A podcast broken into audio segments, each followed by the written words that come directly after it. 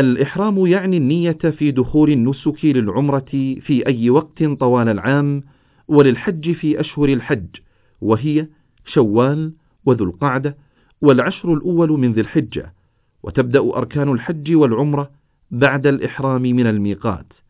فإذا وصل من أراد الحج أو العمرة إلى الميقات برا بالسيارة ونحوها استحب له أن يغتسل وأن يتطيب إن تيسر له ذلك.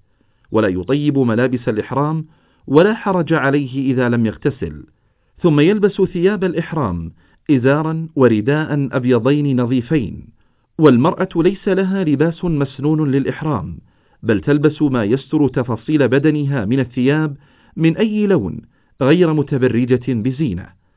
ثم ينوي الدخول في النسك وإذا نوى الدخول في النسك يكون بذلك قد أحرم ولو لم يتلفظ بشيء.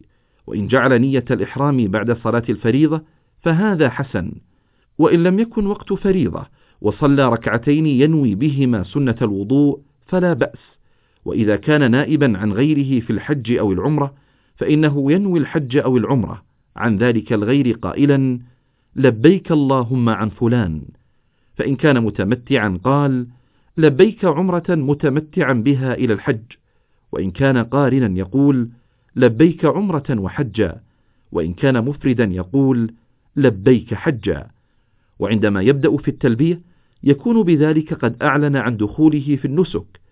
أما إذا كان قدومه بحرا أو عن طريق الجو فقد جرت العادة أن يعلن قائد الطائرات والسفن للركاب عن قرب محاذاتهم للميقات ليستعد الحجاج والمعتمرون للبس إحرامهم.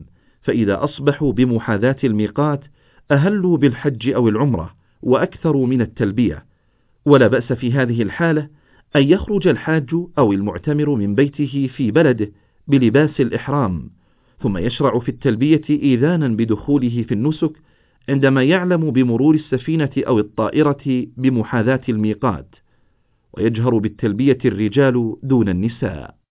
لإعادة سماع الرسالة اختر زر النجمة. للعودة إلى القائمة السابقة اختر زر المربع.